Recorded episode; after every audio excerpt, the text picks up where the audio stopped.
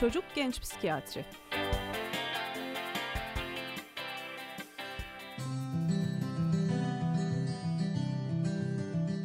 Trakya Üniversitesi Radyosu Radyo Güne Bakan'da yeni bir çocuk genç psikiyatri programında sizlerle birlikteyiz. Program yapımcınız Trakya Üniversitesi Tıp Fakültesi Çocuk ve Ergen Ruh Sağlığı ve Hastalıklar Anabilim Dalı Başkanı Profesör Doktor Sayın Işık Görker. Yine aynı anabilim dalından doktor öğretim üyesi Hasan Cem Aykutlu bizlerle birlikte olacak. Ben sunucunuz doktor öğretim üyesi Başar Hatırnaz. Bir saat boyunca sizlerle beslenme konusunu konuşacağız. Beslenme konusunun detaylarına girmeden önce sizlere e-posta adresimizi hatırlatmak istiyorum. Çocuk Türkçe karakter kullanmadan çocuk genç psikiyatri trakya.edu.tr Programımızla ilgili görüş, öneri ve sorularınızı bu e-posta üzerinden bizlere ulaştırabilirsiniz. Ayrıca programımızı 106.2 frekansından dinleyebileceğiniz gibi PowerApp uygulamasında bulunan kampüs radyoları sekmesinden de dinleme şansına sahipsiniz. Programın tamamını dinleyemeyenler varsa aranızda veya etrafınızdaki ebeveynlere önermek istiyorsanız Programımızın tekrarını Trakya Üniversitesi Radyosu Radyo Güne Bakan'ın Spotify hesabı üzerinden de dinleyebilirsiniz. Aynı zamanda Trakya Üniversitesi Tıp Fakültesi Çocuk ve Ergen Ruh Sağlığı ve Hastalıkları Anabilim Dalı Başkanlığı'nın web sitesinden de yine programımızın tekrarını ne zaman isterseniz dinleyebilirsiniz. Bu programda detaylandıracağımız beslenme konusunun yer aldığı ebeveyn el kitabı ile ilgili kısaca bilgilendirmek istiyorum sizi. Hamilelikten başlayarak beslenme konusunu, beslenme kavramını, anne sütünün önemi gibi birçok konuyu ele alacağız. Diğer taraftan beslenme konusuyla ilgili birçok soruya cevap arayacağız. Tabii ki sizlerden gelen soruları da yanıtlayacağız bu program içerisinde. Dilerseniz sözü daha fazla uzatmadan Trakya Üniversitesi Tıp Fakültesi Çocuk ve Ergen Ruh Sağlığı ve Hastalıklar Anabilim Dalı Başkanı Sayın Profesör Doktor Işık Görker ve Doktor Öğretim Üyesi Hasan Cem Aykutlu'ya bırakayım sözü. Hocam hoş geldiniz. Hoş bulduk, merhaba. Hoş bulduk, merhaba.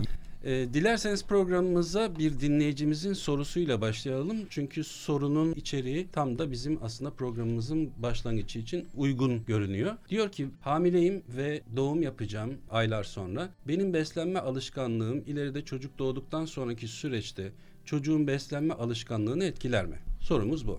Tabii ki hamilelik dönemindeki beslenme tutumu, davranışı aslında gerçekten çok önemli. Çocuğun yani hem annenin sağlığı açısından hem de çocuğun bebeğin sağlığı açısından. Burada şöyle diyebiliriz. Annenin beslenme tutumu neyle beslendiği çocuğun fiziksel olarak nasıl bir olgunluğa erişeceği, nasıl sağlıklı büyüyüp büyüyemeyeceğinin bir belirtisi oluyor. Yani dolayısıyla annenin beslenme şeklinden çok annenin ne yediği, nasıl yediği çocuğun e, fiziksel açıdan çocuğu nasıl etkileyeceği konusu burada önemli.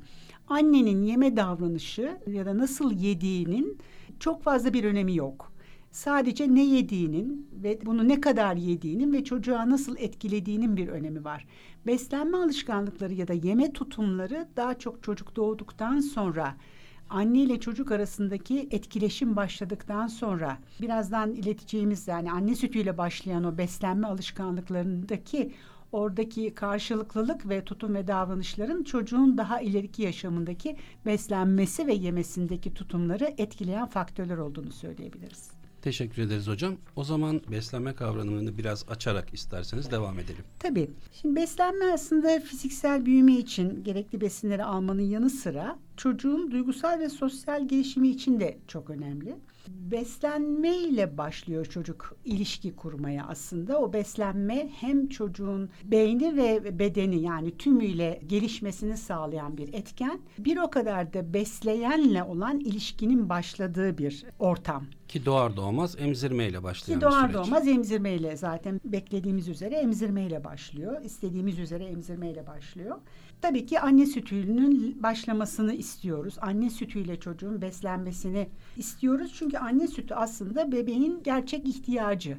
Yani hem yeteri kadar temiz hem yeteri kadar içinde onun fiziksel gelişimini ya da büyümesini sağlayacak bütün içeriklerin olduğu bir madde anne sütü. Ve anne sütünün bebeklerin tüm gereksinimlerini aslında 6 ay boyunca karşılayacağını biliyoruz. Yani 6 ay boyunca çocuk anne sütüyle sadece beslenebilir ve bu gayet normaldir ve böyle olması da tercih edilir. Son yıllarda yapılan çalışmalar anne sütünün bebeğin hastalanması ya da bebeğin ölüm oranlarının daha da azalttığını yani bu konuda çok fazla faydalı olduğunu ortaya koymuş. Çünkü aynı zamanda da çocuğun bağışıklık sistemini de geliştiren hatta enfeksiyonlara karşı da koruyucu bir etkisi olduğunu bildiğimiz bir madde anne sütü.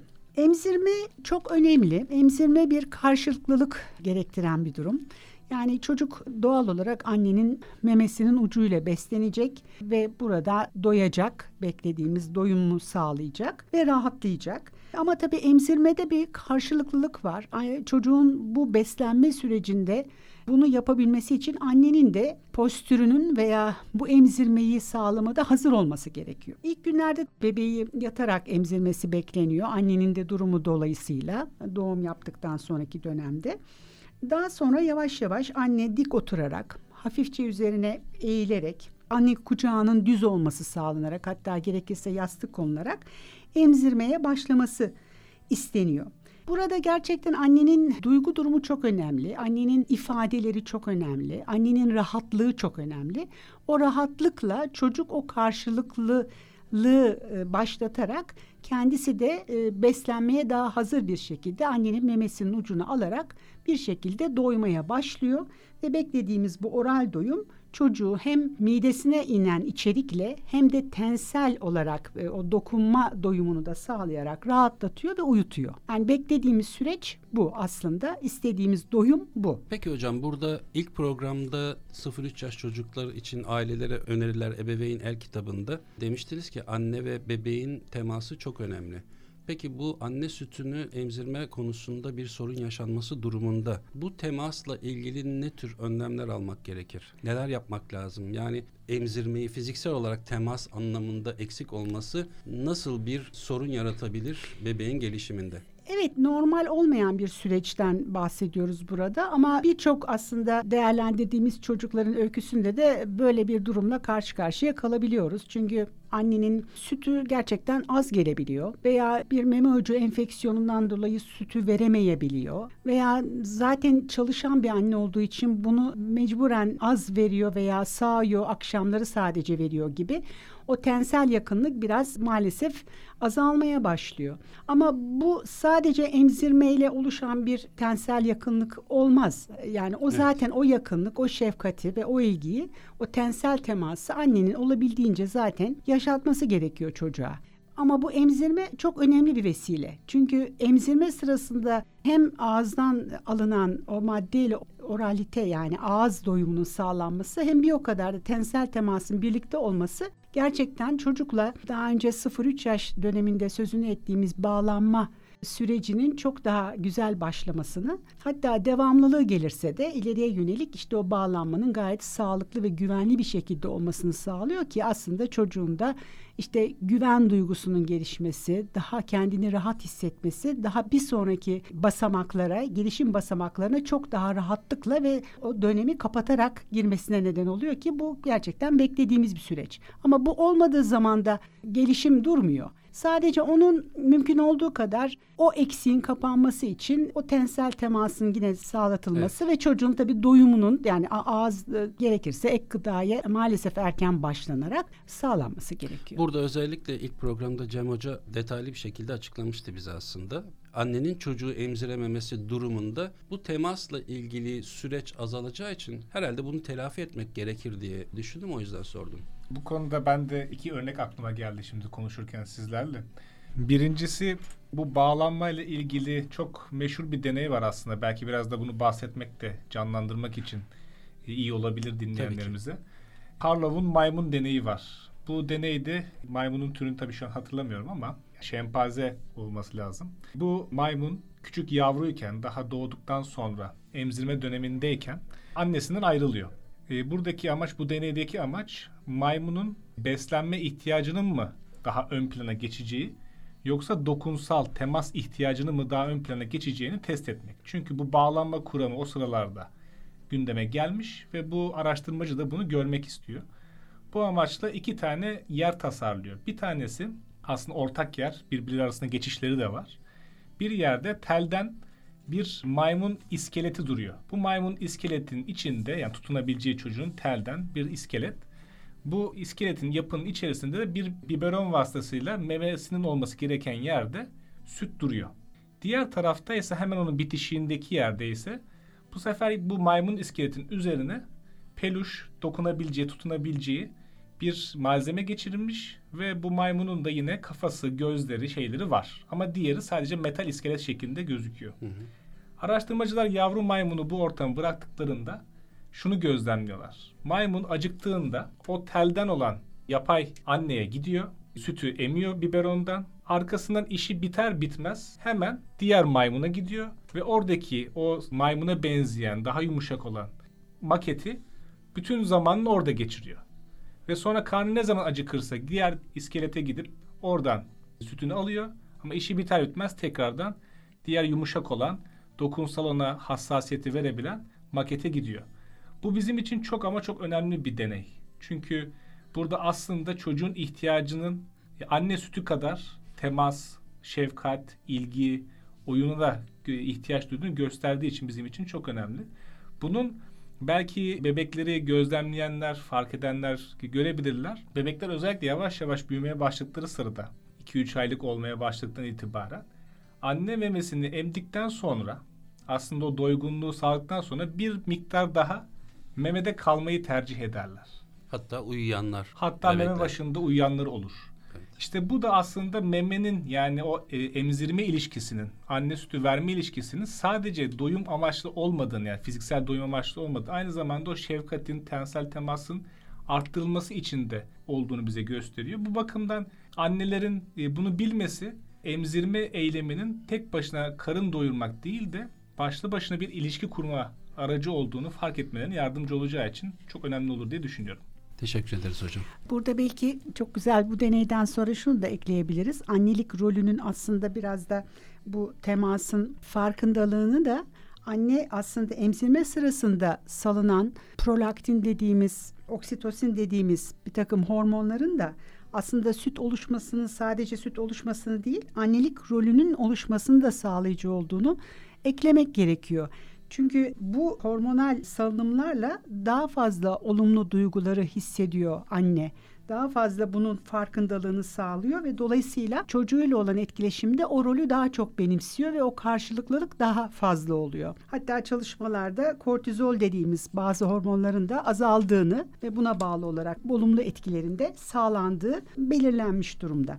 Yani stres hormonunu azaltıyor değil mi hocam? Stres hormonu, kortizol. Evet, evet buradan şunu söylemeliyiz. Anne ile çocuk arasındaki o karşılıklılık sözel hatta sözel olmayan çünkü bebeklikten bahsediyoruz. Karşılıklı birbirinin e, ihtiyaçlarını farkındalığını sağlanması bu iletişim zaten beslenmeyle başlayan bu iletişimle giden bu karşılıklılık işte o bağlanma dediğimiz o güvenli bağlanma dediğimiz süreci başlatan hatta geliştiren bir süreç oluyor.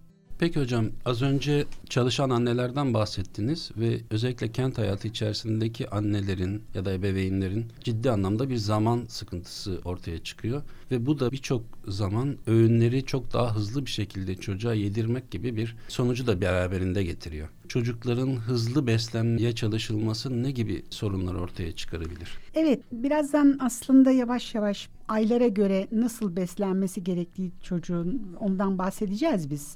Bu bir süreç ve çocuğun ihtiyaçlarına göre annenin nerede ne zaman yemek vereceğinin kararıyla çocuğun ne kadar yiyeceğinin çocuğa bırakıldığı bir süreç olmalı. Yani bundan şunu demek istiyorum. Çocuk ihtiyacı kadarını yiyor zaten.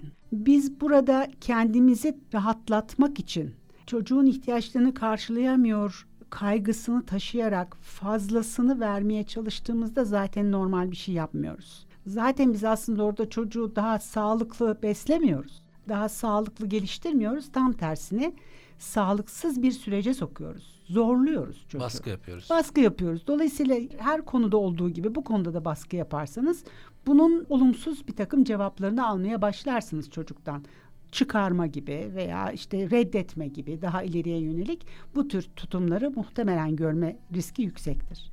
Az önce çocukların yaşa göre yeme alışkanlıklarının, davranışlarının değişiminden bahsetmiştiniz. Çocuklarda yeme davranışı nasıl gelişir, nasıl değişir? Şimdi çocuklarda sıfır yaş itibariyle söylediğimiz emzirme süreci döneminde artık dördüncü aya geldiklerinde besinleri gördüğünde fark edebilir hale geliyorlar. Ve gelişimsel özellikleri de tabii dikkate almamız gerekiyor. Yutma refleksi zaten doğuştan gelişen bir şey ve dolayısıyla çocuk aslında verilen bir şeyi yutabilir. Ama e, hepsi kademe kademe olmalı çünkü bu çocuk çiğneyemez, dişi yoktur gibi.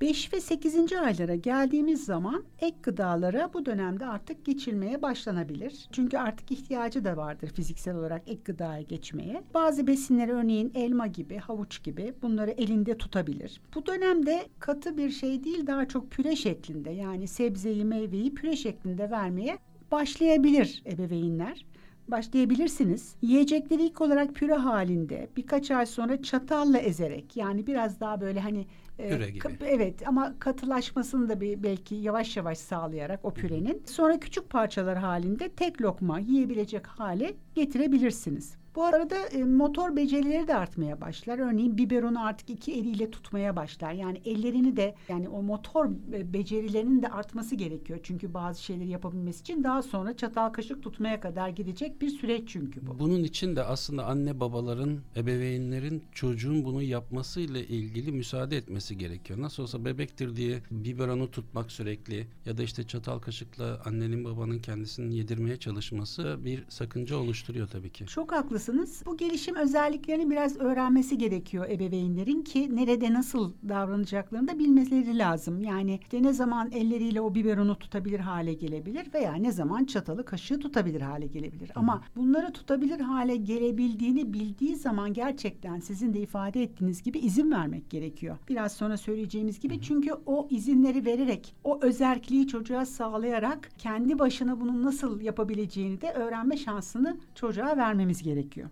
Burada hocam şunu da ekleyebiliriz herhalde. Özellikle bu 5-8 ay süresinde ek gıdalar tanıştırma evresi olarak başlıyor. Hala en önemli besin maddesi, açlığın içinde en önemli besin maddesinin anne sütü olduğunda tekrar vurgulamamız lazım ki Çok bu bir haklısın. tanışma dönemi.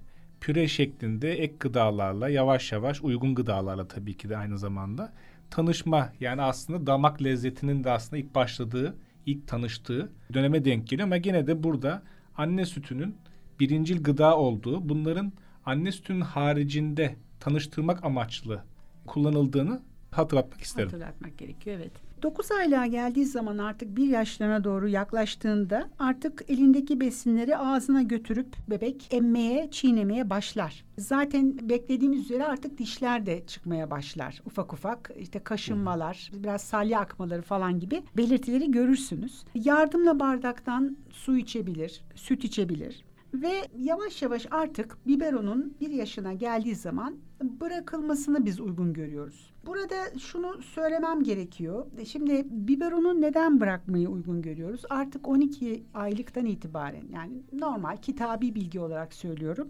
18 aylığa kadar artık bu çocuk kendi ilk otonomisini sağlayıcı yürüme davranışını geliştirir. Bu da onun aslında artık kendi kendine bir şeyler yapabileceğini görmesi, otonomisini sağladığını fark etmesi sürecidir. İşte o dönemde çocuğun artık yavaş yavaş sütten kesiliyor ve kendi başına ayakta durabiliyor ve bir şeyleri yapabiliyor. Beslenmede de sağlamasını istemeye başlıyoruz biz. Yani ufak ufak artık bu çocuk dökerek de olsa kaşıkla yemeğini yiyebilir. Aileyle birlikte masaya oturabilir veya kendi sandalyesine, mama sandalyesine de oturtularak masada beraber beslenme alışkanlıkları artık kazandırılabilir. Ortak yemek. Şöyle diyebilir miyiz hocam?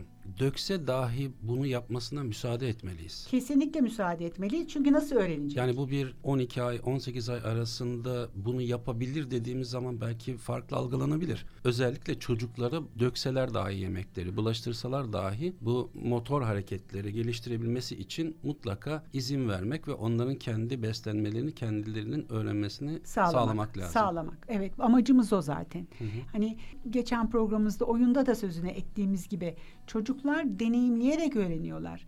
Yani deneyimleyerek bazı problemlerle baş etmeyi öğreniyorlar. Bu da bir gelişim aşamasında öğrenmesi gereken bir süreçse bunu deneyimlemeden nasıl öğreteceksiniz? Peki hocam burada ebeveynler nasıl müdahale etmeli? Mesela tamam dağıtıyor evet çocuğu rahat bırakalım öğrensin kendini geliştirsin ama biz onu öğretmek anlamında doğru bir tavırla doğru bir üslupla doğru bir ses tonuyla doğru cümlelerle ifade ederek çocuğun yediği şeyleri daha sonraki süreçte dökmeden yiyebilmesini sağlamak açısından nasıl davranmak lazım? Mesela şimdi birçok ebeveyn belki uyarırken daha ses tonunu yükseltebiliyor vesaire edebiliyor. Bu da çocuklarda başka türlü problemler ortaya çıkarabiliyor. Dolayısıyla nasıl konuşmak lazım o süreçte? Tamamen kendi kendine mi bırakmak lazım? Yoksa ebeveyn olarak bir şeyler söylemek gerekir mi? İlk başlarda daha ilk başladığımızda bu deneyime kendi kendine bırakmalarını tavsiye ederim. Çünkü çocuk ne yaptığını önce öğrenecek. O sırada ne yapıyor? Orada işte önündekini ağzına atıyor. E, ağzında tadını alıyor. Beğeniyor, yiyor veya beğenmiyor, çıkarıyor. Bunları önce yaşaması gerekiyor. Bunları yaşadıktan sonra o bir yeme sürecine girdiğinde diyelim ki elinden fırlatıyorsa bittiği zaman Aa, bunu fırlatmayalım istersen buraya koyalım gibi.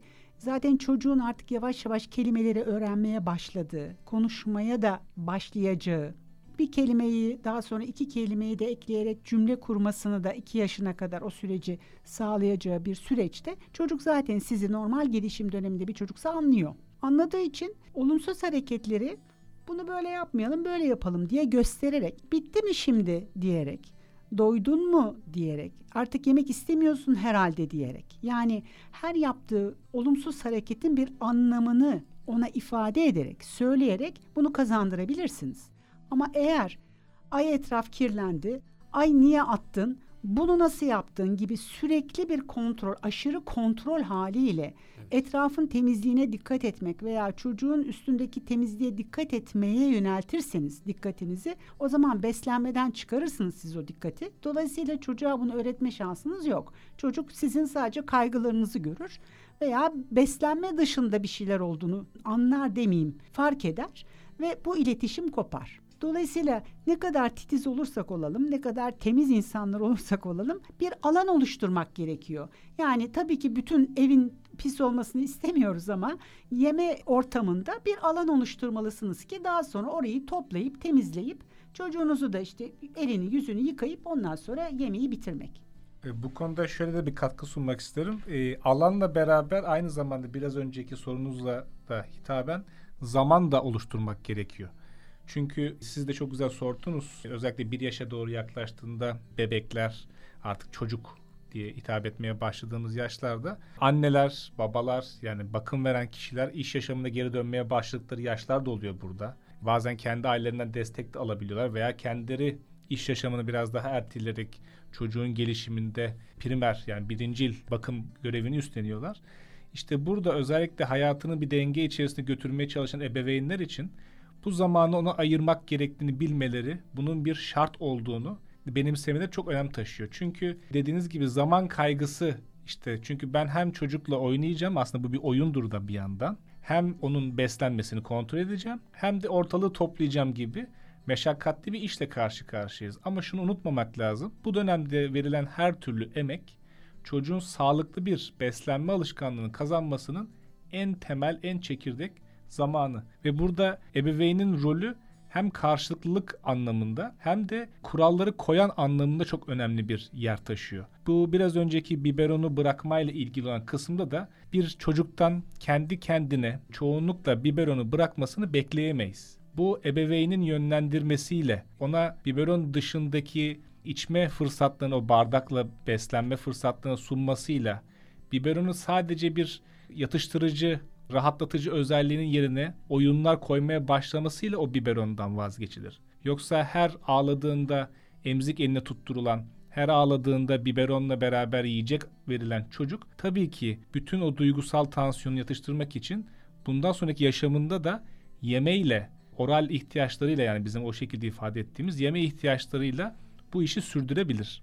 Zaman derken tabii şunu da eklemek gerekiyor. Cem'in söyledikleri bu değerli bilgilere zamanı da iyi kullanmak gerekiyor. Yani daha sonraki yeme tutumlarında da daha doğrusu yeme olumsuz yeme tutumlarında da belki sözünü edeceğiz. Ya yani bunun bir zamanı olması gerekiyor. Saatlerce bu yeme davranışları ya da beslenme tutumlarıyla uğraşan bir anne çocuk da orada aslında büyük bir yanlış yapıyor demektir. Çünkü yaşamın başka devreleri var. İşte yemeden sonra uyuma var, oyun oynama var veya annenin işleri var. Dolayısıyla hepsinin belirli bir zamanı olması ve o zamanı iyi kullanmak da çok önemli bir esas bir durum yani beslenmede. Onu da eklemek istedim. Dilerseniz sonraki aylardaki yeme davranışları nasıl gelişiyor onlardan bahsedelim evet, hocam. Evet, bir yaşından sonra artık iki yaşı arasında çatalı artık kullanabilir hale geliyor çocuk. Yani kendi başına kaşığı, çatalla işte yediği önündeki besini yemesini bekleriz. Bazen elinle koordine olamayabilir, tam ağzına götüremeyebilir, sonra götürür. Bunları biraz sabırla izlememiz lazım. Ay götüremedi ben götüreyim. Ay yapamadı hemen elinden kaşığı ben alayım. Bak olmadı işte filan böyle bir böyle bir aceleye gerek yok. Çocuk çünkü bunu öğrenecek. Kendi başına o koordine hareketi elinle ağzına bir maddeyi götürmeyi öğrenecek. Dolayısıyla bunun için de ona bir zaman tanımalıyız. Ona bir şans tanımalıyız. Ve bunu zaten normal gelişmekte olan bir çocuk da bir süre sonra öğreniyor. Şişedeki sıvıyı bardağa artık boşaltabilir hale geliyor iki yaşında. Pipetle içecekleri içebiliyor ve artık bir süre sonra yavaş yavaş da kendi başına yardımsız yemeğini yiyebilir hale gelebiliyor. Zaten 3 yaşlarına kadar geldiği zaman da artık konuşabildiği için bizim de konuştuklarımızın hepsini anlayabildiği için artık iletişimimiz daha kolay olmaya başlıyor. Söylediklerimizi anlıyor. Daha önceki ilişkilerimize bir basamak katarak biz ona daha nerede ne zaman nasıl gideceğimizi bu süreçte anlatabilmeye başlıyoruz.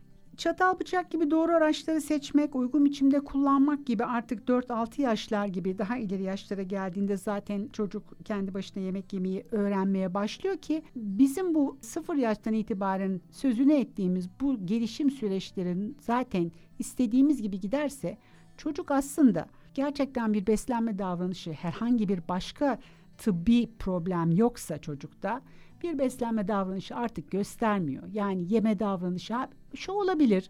Bazı yemekleri, bazı besinleri sevmeyebilir. Yani bazı şeyleri içmek istemeyebilir. Bunlar hepimizde olan seçimlerdir. Bu seçimlere de saygı göstermek gerekir.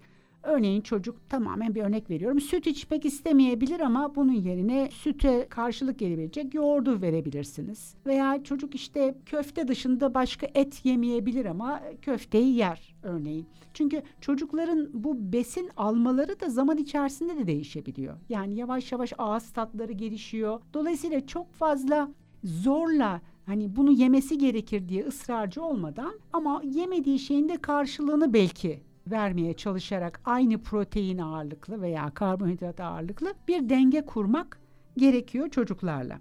Yine 4-6 yaşa gelmiştik. Artık bıçakla yumuşak şeyleri kesebilme, bıçağı ekmeğine yağ sürmek için kullanabilme gibi artık gerçekten ince motor becerileri sağlayabilir hale geliyor. Ve dolayısıyla artık çocukla herhangi bir sorun beslenme ile ilgili yaşamıyoruz. Burada tabii ki ebeveynlerin sabırlı olması gerekiyor. Çatal, kaşık, bıçak gibi şeyleri kullanırken mutlaka sabırlı olmak gerekiyor. İşte dökmesi, suyu taşırması vesaire gibi ya da işte sofranın üstüne yemeğin dökülmesi gibi şeylerde evet. sabırlı olmak gerekiyor sanırım. Evet. Çünkü evet, diğer evet. türlü o zaman ebeveynler işte az önce konuştuğumuz zaman ya da başka gerekçelerden dolayı bir şekilde çatalı, kaşığı, bıçağı alıp bir an önce yedireyim, yesin ve bu sorumluluk bitsin diye düşün düşünmemek lazım. Tabii bir yerde şunu da göz ardı etmemek lazım. Anneler çok yoruluyorlar bebek bakımlarında. Doğum sonrası ve sonraki yıllarda da en çok anneler çocuklarla ilgili. Evet. Bu bir gerçek. Evet. Bir yorgunluk, bir bıkkınlık. Evet. Belki evet. dışarıda da çalışan anneler olduğu zaman evet. bu birazcık daha fazla olabiliyor. Bu bir sabırsızlık da getirebiliyor ama çocuğun gelişimi açısından mutlaka ve mutlaka sabırlı olmak ve o çatalı bıçağı onun kullanmasına müsaade etmek gerekiyor. Tabii ki bu durumda destek verilebilir ama çocuğun elinden çatalı bıçağı alıp doğrudan yedirmek doğru bir tutum olmayacaktır. Evet, Değil destek mi? olmak, e, yönlendirici olmak ama onun özelliğini de korumak. Çocuğa bir alan açmak, çocuğun kendi deneyimini arttırıcı bir alanı mutlaka çocuğa vermek gerekiyor. Şimdi e, birazdan geçeceğimiz konu aslında işte bu normal gelişimsel süreçte e, yaşanan bazı aksaklıkların ne gibi beslenme veya da yeme tutum problemlerine yol açacağı. E, bunları başlatanlar da zaten işte bu yemedeki o düzenlemelerin yapılamaması yani anne tarafından o düzenlemelerin ve o karşılıklılığın olamaması. Ee, bir takım yaşanmış yanlış deneyimler bu beslenme sırasında biraz önce böyle olursa daha iyi olur dediğimiz o normal süreçte yapılamayan acelecilikler, ketlemeler, zorla vermeler gibi örneğin bu tür yanlış tutumlar ve anne ile olan ilişkilerde özellikle sıkıntılar yani o bağlanma gelişiminde yaşanmasını istediğimiz o sağlıklı güvenli bağlanmayı oluşturacak olan o karşılıklılıktaki aksaklıklar, kaygılar bazen annede gelişen, çoğunlukla annede gelişen ve çocuğa yansıyan veya çocukta olabilecek bazı tıbbi problemlerin e, fark edilememesi, çocuğun kaygılarının anlaşılamamasının getirdiği o sıkıntılar, bütün bunlar işte daha sonraki beslenme problemlerine ve yeme problemlerine kapı açıyor maalesef. Peki o zaman bu konudan bahsetmişken dilerseniz çocuklarda görülebilen beslenme problemlerinden bahsedelim. Evet, çocuklarda görülebilen beslenme problemleri Cem bize aktarabilir misin? Tabii ki hocam. Öncelikle belki de çok önemli bir fenomen olan iştahsız çocuk durumuyla başlayalım. Bu bir hastalık değil ama ilerleyen zamanlarda hem obezite için hem de diğer yeme bozuklukları için çok önemli bir öngördürücü durum. Şimdi özellikle bizim toplumumuzda anneler veya bakım veren diğer kişiler çocuğun ne kadar çok yerse, ne kadar tırnak içerisinde gürbüz olursa o kadar sağlıklı olduğuna dair bir inancı vardı. Bu belki daha önceden insanların ekonomik olarak bu kadar refah içinde olmayışından, yiyeceklerin zor bulunuyor oluşundan da kaynaklanıyor olsa da artık günümüzde yiyeceğe ulaşmak belli bir sosyoekonomik düzeyde olan aileler için yiyeceğe ulaşmak ve doğru yiyeceği temin etmek çok büyük bir sorun halinden çıktı. O yüzden de bu ne kadar yerse doyacağı konusu, ne kadar yerse iştahsız olacağı konusu çok önem taşıyor. Bu iştahsızlığı belirleyen en önemli şeylerden bir tanesi aslında daha o ilk emzirme döneminden itibaren ek gıdalara geçişle başlayan o besleme yöntemleri ebeveynlerin ve buradaki kullanmış oldukları da beslenme düzeni çok ön plana geçiyor. Tabii ki bunların hepsini de etkileyen şey aslında ebeveynin besleyen kişinin beklentileri. Tabağın ne kadarını yemeli? Ne kadar yerse aç kalır? Genelde çok mu yedi gibi bir sorun olmuyor. Çok yedikleri zaman ebeveynler mutlu oluyor ama az yediği zaman endişeleniyorlar. Aç kalıp büyüyemez mi gibi. Bu konuda en önemli kriter şu. Bir çocuk beslenme sırasında, yemek yeme sırasında ilerleyen zamanlarda da karnının ne zaman doyduğunu ve ne kadar ihtiyaç duyduğunu kendisi hissedebilir. Ve bu iştah için açlık ve doygunluk arasındaki dengeyi çok en önemli belirleyen kriter budur. Hatta belki diyet yapmaya çalışanlar bilirler. Yemekleri hızlı yiyorsanız yetişkinler için söylenir bu. Yavaş yiyip biraz bekleyin. Çünkü doygunluk duygusu sonradan gelir denir. Aynı şey aslında çocuklar için de farklı bir şekilde geçerli. Yani çocuk doyma duyumunu kendisi deneyimleyebilir. Tabii ki bu her çocuktan çocuğa farklılık gösterebilir. Kimisi daha çok yemeğe meyilliyken kimisi daha az yiyebilir. Ama burada bizim için en önemli kriter bir doktor başvurusu olduğu sırada ve aile endişelendiğinde biz çocuğun gelişim eğrisine bakarız. Yani çocuk o yaşına göre uygun kiloda mı? Yaşına uygun boyda mı? Ve bu bir süreklilik yani dengeli bir şekilde büyüme devam ediyor mu diye. Çoğunlukla bizim görmüş olduğumuz iştahsızlık problemi nedeniyle karşılaştığımız çocuklarda çoğunlukla normal gelişim eğrisinde olduğunu da görmekteyiz. Bizim kliniğimizden bahsediyorum. Yani ortada bir tıbbi diğer hastalık sebepleri olmadığında. Bu da ebeveynler için çok önemli bir bilgi olarak akıllarında yer alabilir. Çünkü normal gelişimi gösteren, fiziksel gelişimi gösteren çocuklar doygunluk kararını kendileri verirler. Ebeveyn bunu takip etmelidir. Ama tabii ki bir düzen de söz konusu olduğu için 3 öğün düzeni bir çocuk için gerçekten önemlidir. Sabah kahvaltısı, öğle yemeği ve akşam yemeği şeklinde. O yüzden çocuk bir öğünü atlarsa, bir öğünde az yerse herhangi bir sebepten dolayı belki o sırada dışarı çıkmak istiyordur, arkadaşını görmüştür, kardeşi bir şey yapmıştır vesaire vesaire birçok sebep olabilir. O öğünde az yerse bir sonraki öğünde ya da en geç o günün son öğününde bu açığını kapatır o çocuklar mutlaka. O yüzden iştahsızlıkla karşılaşıldığında ebeveynlerin en önemli görevi çocuğun durumunu bir görebilmek ve biraz da objektif görebilmektir. Kültürel bağlamların haricinde.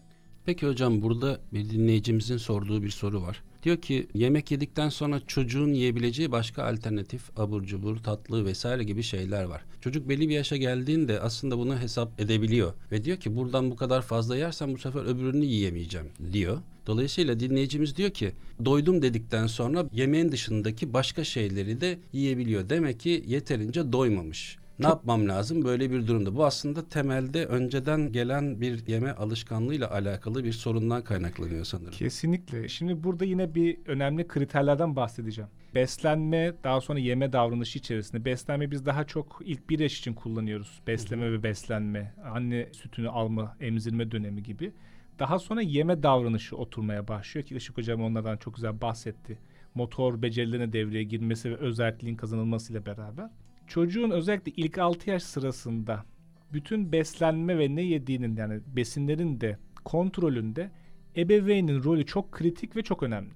Yani bir çocuk evet doygunluk hissi ona bağlı olsa da onu dinlemek, onu anlamak gerekse de 6 yaşa kadar olan bir çocuk da ne yiyeceğine kendi kendine karar vermesini tamamen serbest bırakmak çok yanlış bir tutum olur.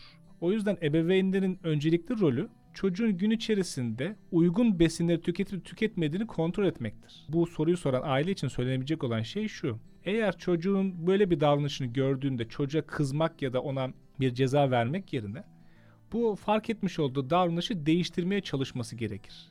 Yani o zaman abur cuburun miktarını azaltır. Bunu çocuğa açıklar. Der ki bu abur cubur ana öğün yerine geçmez. Senin temel gıdan değil. O yüzden yemekleri doğru miktarda yemelisin ki arkasından ben sana abur cuburu düşük miktarlarda ödül olarak vereyim şeklinde bir başlangıç yapabilir. Bunu ebeveynin bildiğini çocuğa hissettirmesi de gerekir değil Kesinlikle. mi? Kesinlikle. Yani burada bu otoritenin yani 6 yaşa kadar özellikle altını çizmek lazım. Ne yendiğinin otoritesinin ebeveyinde olması, bakım veren kişide olması önemli. Bu otorite demek şey gibi düşünülmesin. Yani sert, katı, cezalandırıcı, aşırı kontrolcü. Biraz önce Işık Hocam çok güzel Hı. bahsetti. Aman şöyle yapma, dur vesaire gibi değil de karşılıklı olan, etkileşimi olan, karşı tarafı da dinleyen, empati yapabilen ama karar anı geldiğinde kendi kararını uygulayan bir ebeveyn olarak karşımıza çıkmalı. Burada hatta biz şunu söyleriz genel yemek alışkanlığı için. Bir çocuğun ne yiyeceğine, nerede yiyeceğine, ne zaman yiyeceğine ebeveyn karar vermeli. Ama ne kadar yiyeceğine çocuk karar vermeli. Bunu bir örnekle açıklamak gerekirse çocuğum sabah kahvaltısı etmeli. Tamam. Peki nerede etmeli? Televizyon karşısında mı? Yatağında mı? Mutfakta mı? Tabii ki en doğru cevap mutfakta eğer yaşı da uygunsa ki 3 yaştan sonra artık bunu çok rahat bir şekilde gerçekleştirebilirler. Mutfakta masada bizlerle beraber. Peki ne yiyecek kahvaltının içerisinde? Yumurta yemesini istiyorum, zeytin yemesini istiyorum, işte peynir yemesini istiyorum. Yine 3 yaş çocuğunu ele alarak söylüyorum bunu. Peki ne kadar yiyecek? İşte bu tamamen karşılıklılığa dayanan bir kısım. Bu çocuktan çocuğa, aileden aile değişen bir kısım. Bu soruyu soran ebeveyn için abur cuburun azaltılması, o miktarın artılması için bir kıstas konulması gerekiyor. Ama zorla olmaz. Zorla yumurtayı yemeyen bir çocuğa o sırada bir yumurtayı zorla ağzına tıktığınızda beslediğinizi düşünseniz de aslında o çocuğun çok temel bir beslenme alışkanlığının zarar görmesi neden oluyorsunuz. O çocuk o yumurtayı belki sadece önce görecek gözleriyle. Sonra belki eline dokunacak, biraz onunla oynayacak. Sonrasında tadına bakacak, tadını anlamaya çalışacak. Sonrasında belki reddedecek. Ama sonra hep o yumurta karşısında ve zorlayıcı bir gıda olarak olmadan ve ebeveynin olumlu pekiştirmesiyle yani yanında belki bazen ebeveynler yapar uçak geliyor, işte Hı-hı. kamyon geliyor gibi şeylerle oyunlarla da o besini bazen de oyunlarla tanıyıp sonrasında alışkanlık edinerek yavaş yavaş o lezzet kavramının içerisine kendi öznel algısının içerisinde oturtmaya başlayacak. Evet zor bir süreç tabii ki. Tabii Özellikle ki. kahvaltıda mesela birçok çocuk reddedebiliyor peynir yemeği, beyaz peynir yemeği, yumurta yemeği, domates yemeyen bir sürü çocuk var. Patates yemeyen birçok çocuk var. Buna birazcık da belki örnek mi olmak gerekiyor ebeveynler olarak sofrada? Kesinlikle. Zaten o yüzden biraz önce bahsettiğimiz beslenmenin temeli aslında beslenme düzenir derken sadece üç ana öğünden bahsetmiyoruz.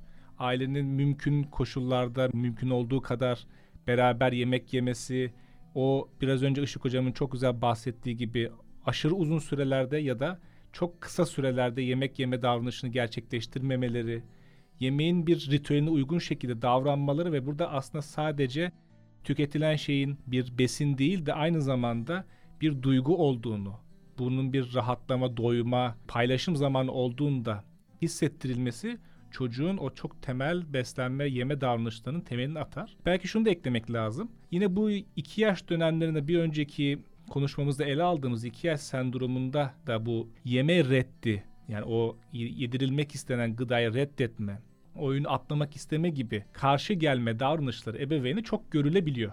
Burada bu yeme reddiyle karşılaştığımızda ebeveynlerin direkt bunun bir besin reddi diye kodlamadan önce, kendileri anlamadan önce acaba öncesinde ne oldu bu durumun diye bir bakmaları da gerekebilir. Çünkü belki çocuk o sırada bir çizgi film daha izlemek istemiştir yemekten önce. Ebeveyn sınır koyunca sonra yemek sırası geldiğinde o da o çorba içmek istememiştir. O yüzden de aslında hani her besin reddi, yemek reddi direkt o besini yiyeceği reddettiği anlamına da gelmeyebilir. Peki burada hazır siz bahsetmişken yemek yedirirken ya da yemek yerken çocuğun yemesini sağlamak adına televizyon açmak gibi, tablet açmak gibi telefonu önüne koyup işte bir çizgi film vesaire oradan izletmek gibi bir kahvaltı masasının ya da yemek masasının ortasına telefonu koyup oradan ya da tabletten bir şeyler izletmek gibi bunun bir ihtiyaç olduğu gerçeğinden çıkıp başka bir noktaya çekilen bir durum ortaya çıkıyor. Bu konuda neler söylemek istersiniz? Özellikle şimdi burada şöyle bir şeyden bahsetmek lazım. Biraz bu konuyu konuşurken ebeveyn vurgusunun çok yoğun olduğu bir konuşma şeklinde ilerliyor ama tabii ki çocuğun mizaç özellikleri de kendi karakter özellikleri de ve duygusal e, düzenleme becerileri de yeme davranışını çok etkileyebiliyor.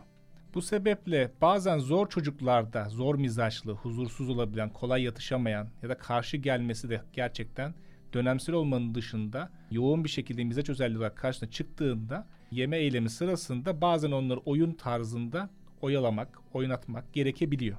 Ama bunun haricinde bir yemek yeme davranışı sırasında herhangi bir ekranı izlemek çocuğun bütün dikkatini biraz önce Işık hocamızın da bahsettiği gibi bütün dikkatini ne yediğinden, yiyeceğin şeklinden, renginden, kokusundan alıp artık tamamen ağzına sokulan bir nesne şeklinde algılamasına yol açıyor. Bu da o çocuğun artık ne yediğinin bir önemi kalmadığı, sadece o izlerken bir şekilde ağzına genelde de bu tabi ebeveynlerin tıktığı şekilde oluyor. Hı hı. Tıkma kelimesini özellikle evet. kullanıyorum ki ebeveynlerin farkındalığını arttırabilmek amacıyla. O zaman o bir yeme davranışı olmuyor.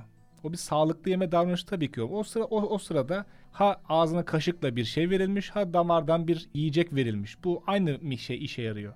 Ama yeme davranışını keyif alma, doyumlu yaşayabilmek için o ekranların olmaması gerekiyor. Bunun karşılıklı olması gerekiyor. Bunun sırf çocuklar için bile değil, yetişkinler için de aynı şeyler geçerli.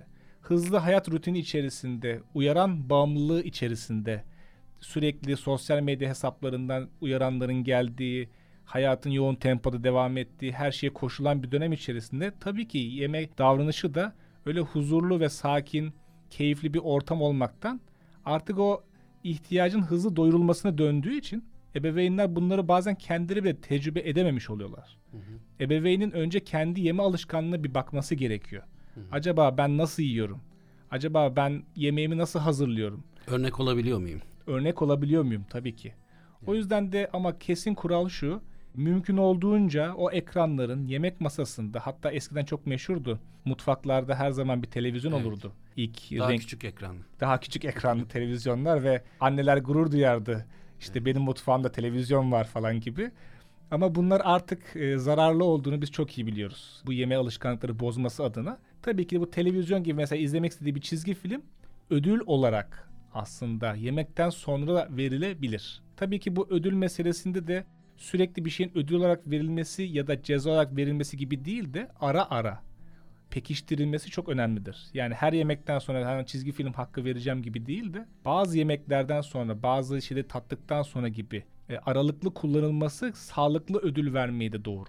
Yani çizgi film izleyeceğiz ama yemekten sonra izleyeceğiz demek. Harika. Belki bunu ödül ve ceza olarak sunmayıp kodlamadan da bu şekilde kodlamadan. sunulabilir. Çok güzel, çok güzel ifade ettiniz. O yüzden yeme davranışı aslında çok basit gibi gözükse de aslında o yeme davranışını etkileyen o kadar çok faktör var Kesinlikle. ki elimizden geldiğince biz de bugün bunlara değinmeye çalışıyoruz. Hatta şey diyebilir miyiz mesela aileler yemek yerken kahvaltıda kendi cep telefonlarını da mümkün olduğunca tabletlerini masanın üstünde hiçbir şekilde tutmasınlar. O sadece yemek yeme ritüelinin olduğu, ailenin bir arada olduğu, paylaşımın olduğu bir ortam haline dönüştürmek gerekiyor. Yani biz sonuçta kendi telefonlarımızı yemekte tutup sürekli ona bakarsak e, çocuk da bir yerden sonra ebeveynlerine örnek alarak belki o da bir şeyler izlemek isteyebilir. Burada hemen araya gireceğim. Tabii, Çünkü gözlemlerimiz var. Tabii sadece bize başvuranlar değil, bir de biz de dışarıda bir yerlerde otururken, bir tatile gittiğimizde, bir otelde, restoranda bayağı hepimizin gözlemleri aynı olmaya başladı. Şimdi şunu unutmamak gerekiyor. Yaptığımız her eylemin bir değeri olmalı. Yani biz eğer bir yeme davranışı gösteriyorsak orada o yemekten zevk almayı, o ortamda o yemeği yemekten zevk almayı ve onu paylaşmayı bilmeliyiz. Eğer ebeveyn olarak aslında biz bunu da bilmiyorsak zaten çocuklara bunu anlatabilmek çok daha zor. Yani şunu gözlemliyoruz. Anne ve baba ayrı ayrı bir şeyler yaparak aynı zamanda çocuğun önüne tablet koyup çocuğun da susarak yemek yemesi, hipnotize olarak yemek yemesini neden olabiliyorlar. Ama burada aslında gördüğümüz sadece çocuğa olumsuz bir tutum sergilemelerinden çok kendilerinin de aslında o paylaşımı sağlamamaları. Yani bunun yaşı yok. Eğer bunu öğrenememişsek ya da kaybetmişsek bunu öğrenmeyi ya da bilgiyi bunu kazanmak bizim için büyük bir kazanım olmalı ki çocuğa bunu yansıtabilelim. Çünkü biz bunu yapamazsak çocuğa bunu mekanik bir şekilde öğretebilmek o kadar kolay değil. Önceki kuşaklardan aktarılan yanlış davranışları o döngüyü kırmak gerekiyor. Evet veya önceki kuşaklarda aslında bir önceki kuşaklarda da birlikte yemek yemek ve paylaşımı Evet. hatırlamayı Doğru. gerektiriyor belki de bunu da Doğru. hatırlamamız gerekiyor. Doğru. Çünkü bu bir özellikti ve bu bizde yapılan bu toplumda yapılan bir özellik aslında. Tabii 2000'li yılların başı itibariyle biz internet ve dijital Ha, teknolojiyle tanıştığımız için Evet, Doğru, unuttuk ondan- bazı değerlerimizi evet, evet. galiba. Ondan öncesinde evet. Ama şimdiki ebeveynler de belki bir kuşak öncesindeki ebeveynler de yine cep telefonlarıyla, tabletleriyle haşır neşir olduğu için böyle bir soruyu bu şekilde sordum açıkçası. Evet. Ama dediğiniz gibi tabii ki öncesinde yemek bir ritüel, ailenin bir araya geldiği belli bir zamanı olan bir ritüeldi ama şimdi çok daha farklılaştı. Hatta şöyle bir şey aklıma geldi onu da paylaşmak isterim. Yetişkin yani hepimizle alakalı olan bir şey. Bir hocamdan duyduğumda çok hoşuma gitmişti. En güzel anlarımızı genellikle yemek yediğimiz dostlarla beraber yemek yediğimiz insanlarla yaşayabiliriz. Ve özellikle dost olmadığımız kişilerle de beraber aynı sofraya oturmak çok kolay olmaz demişti. O yüzden de yani yemenin yetişkin yaşamda da sadece bir yiyecek tüketme ihtiyacı giderme değil de ilişki kurma aracı olduğunu da fark etmemiz de önemli. Paylaşım aracı. Kesinlikle. Evet. Programımızın yavaş yavaş sonuna doğru geliyoruz. Dolayısıyla daha önümüzde birçok konu var aslında. Sanırım beslenme ile ilgili konu bir program daha konuşacağız gibi görünüyor bu durumda. Evet öyle gibi görünüyor. Söyleyeceklerimiz var çünkü bizim daha. Evet çok önemli bir konu. Beslenme deyince aslında insanlar acıkır ve yemek yerler. Bu kadar basit gibi duruyor ama öyle değil. Bu yeme işin kültürel tarafı var. Farklı bir sürü boyutu var.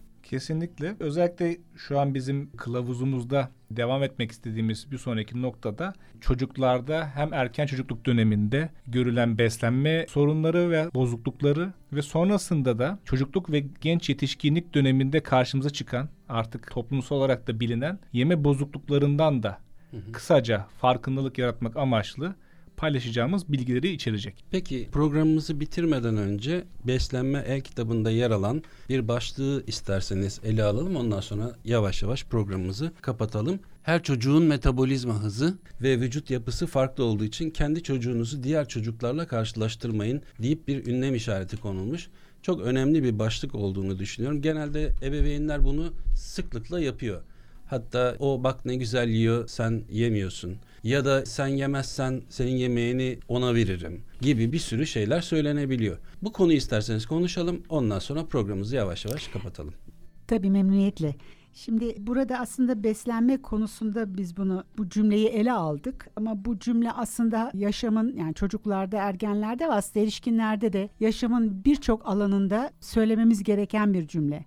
Karşılaştırmanın ne kadar büyük bir problem olacağı, insanların yaşamında ne kadar büyük bir sorun çıkaracağını çok bilemiyorum. Biz bu karşılaştırmaları yaparken beslenmede olsun veya diğer davranışlarda olsun olumsuz gördüklerimizi başkalarıyla karşılaştırarak çocuğu daha iyi, daha olumlu davranışları sürükleyeceğimizi zannederken tam tersine çocukların özgüveninin yitirilmesine, kendilerinin başkalarıyla karşılaştırarak ne kadar aslında ondan daha aşağıda olduğunu, ne kadar daha olumsuz davranışlar sergilediği mesajını veriyoruz. Bu belki bize tuhaf gelmeyebilir ama çocuk bunu algılarken kendisinin daha iyi olmasını sağlamıyor aslında. Daha olumsuz davranışlar sergileme riskini taşıyor bu konuşmalarımız. Dolayısıyla beslenmeden bahsettiğimizde her çocuk farklı.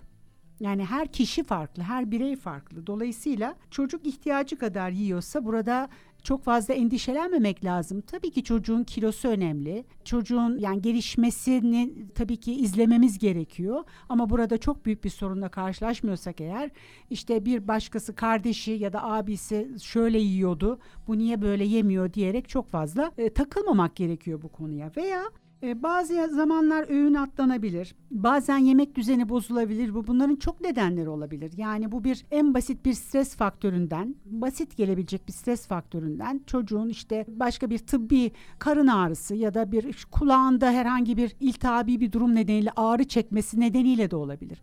Dolayısıyla bu öğün atlamalar çok fazla bizi bir ebeveyn olarak kaygılandırmamalı. Bunlar gelip geçici durumlar olabilir ve bu gelip geçiciliği kendimize mutlaka aşılamalıyız ki daha rahat, daha kaygısız bir çocuk bir şekilde çocuğumuza yaklaşabilelim. Çok teşekkürler hocam. Cem hocam sizin son olarak eklemek istediğiniz bir şey var mı? Son olarak belki vurgulamak istediğim şey özellikle biz şu an normal beslenme ve yeme gelişiminden bahsetmiştik. Bu yeme davranışı, beslenme davranışı, yedirme davranışı ve besleme davranışı her koşulda bir ilişkidir ve her ilişkinin temelinde yer alan karşılıklılık yani birbirini gözlemleyebilme, bekleyebilme, anlayabilme özellikle anne çocuk ya da bakım veren çocuk arasında çok ama çok önemlidir. O yüzden de her yaşamış olduğunuz sorun ya da durumda çocuğun beslenme ya da yeme davranışını incelerken bu ilişkiyi de ebeveynlerin ve annelerin göz önünde bulundurmasını hatırlatmak isterim. Bizi dinledikleri için de çok teşekkür ederim. Ben de teşekkür ediyorum. Biz teşekkür ederiz vermiş olduğunuz değerli bilgiler için. Program içerisinde zaten söyledik. Önümüzdeki hafta beslenme konusuna devam edeceğiz. Ve dolayısıyla bu programı dinleyen dinleyicilerimiz bizlere soruları varsa mutlaka çocuk genç psikiyatri et trakya.edu.tr adresine Türkçe karakter kullanmadan çocuk genç psikiyatri et trakya.edu.tr adresine sorularınızı, görüşlerinizi ve önerilerinizi iletebilirsiniz. Haftaya salı günü saat 14'te yeniden görüşünceye dek hoşçakalın. Hoşçakalın. Hoşçakalın. Çocuk Genç Psikiyatri